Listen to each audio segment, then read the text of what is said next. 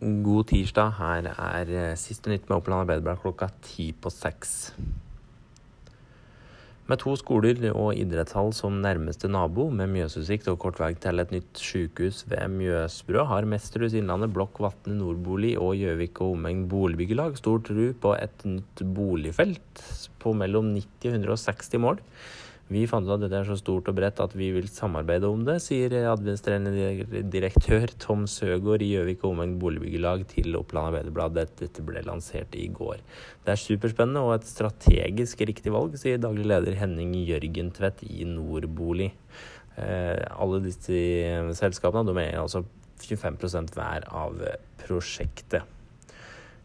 Klikk deg inn på wall.no for å lese mer om eh, hva dette innebærer. Mandag kveld kom eh, beskjeden fra Ullevål sykehus og politiet i Innlandet om at den 15 år gamle gutten som har vært eh, skadd etter drapsforsøk på Kapp for snart fire uker siden, er død.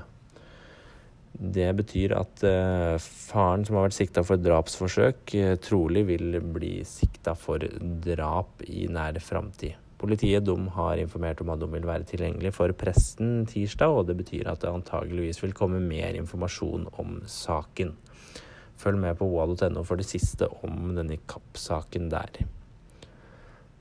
Skattelistene de blir offentliggjort tirsdag, og det gjør at det er mulig for hvem som helst å søke opp inntekt, formue og skatt på nærmest hvem de vil.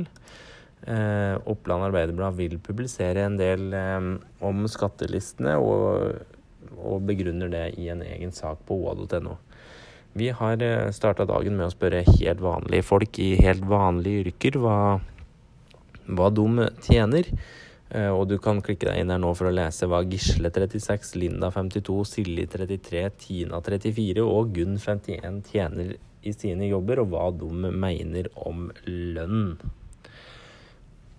Vi ønsker deg en eh, fin tirsdag og eh, minner om at oa.no selvfølgelig er et sted hvis du ønsker nyheter og informasjon om nærområdet ditt.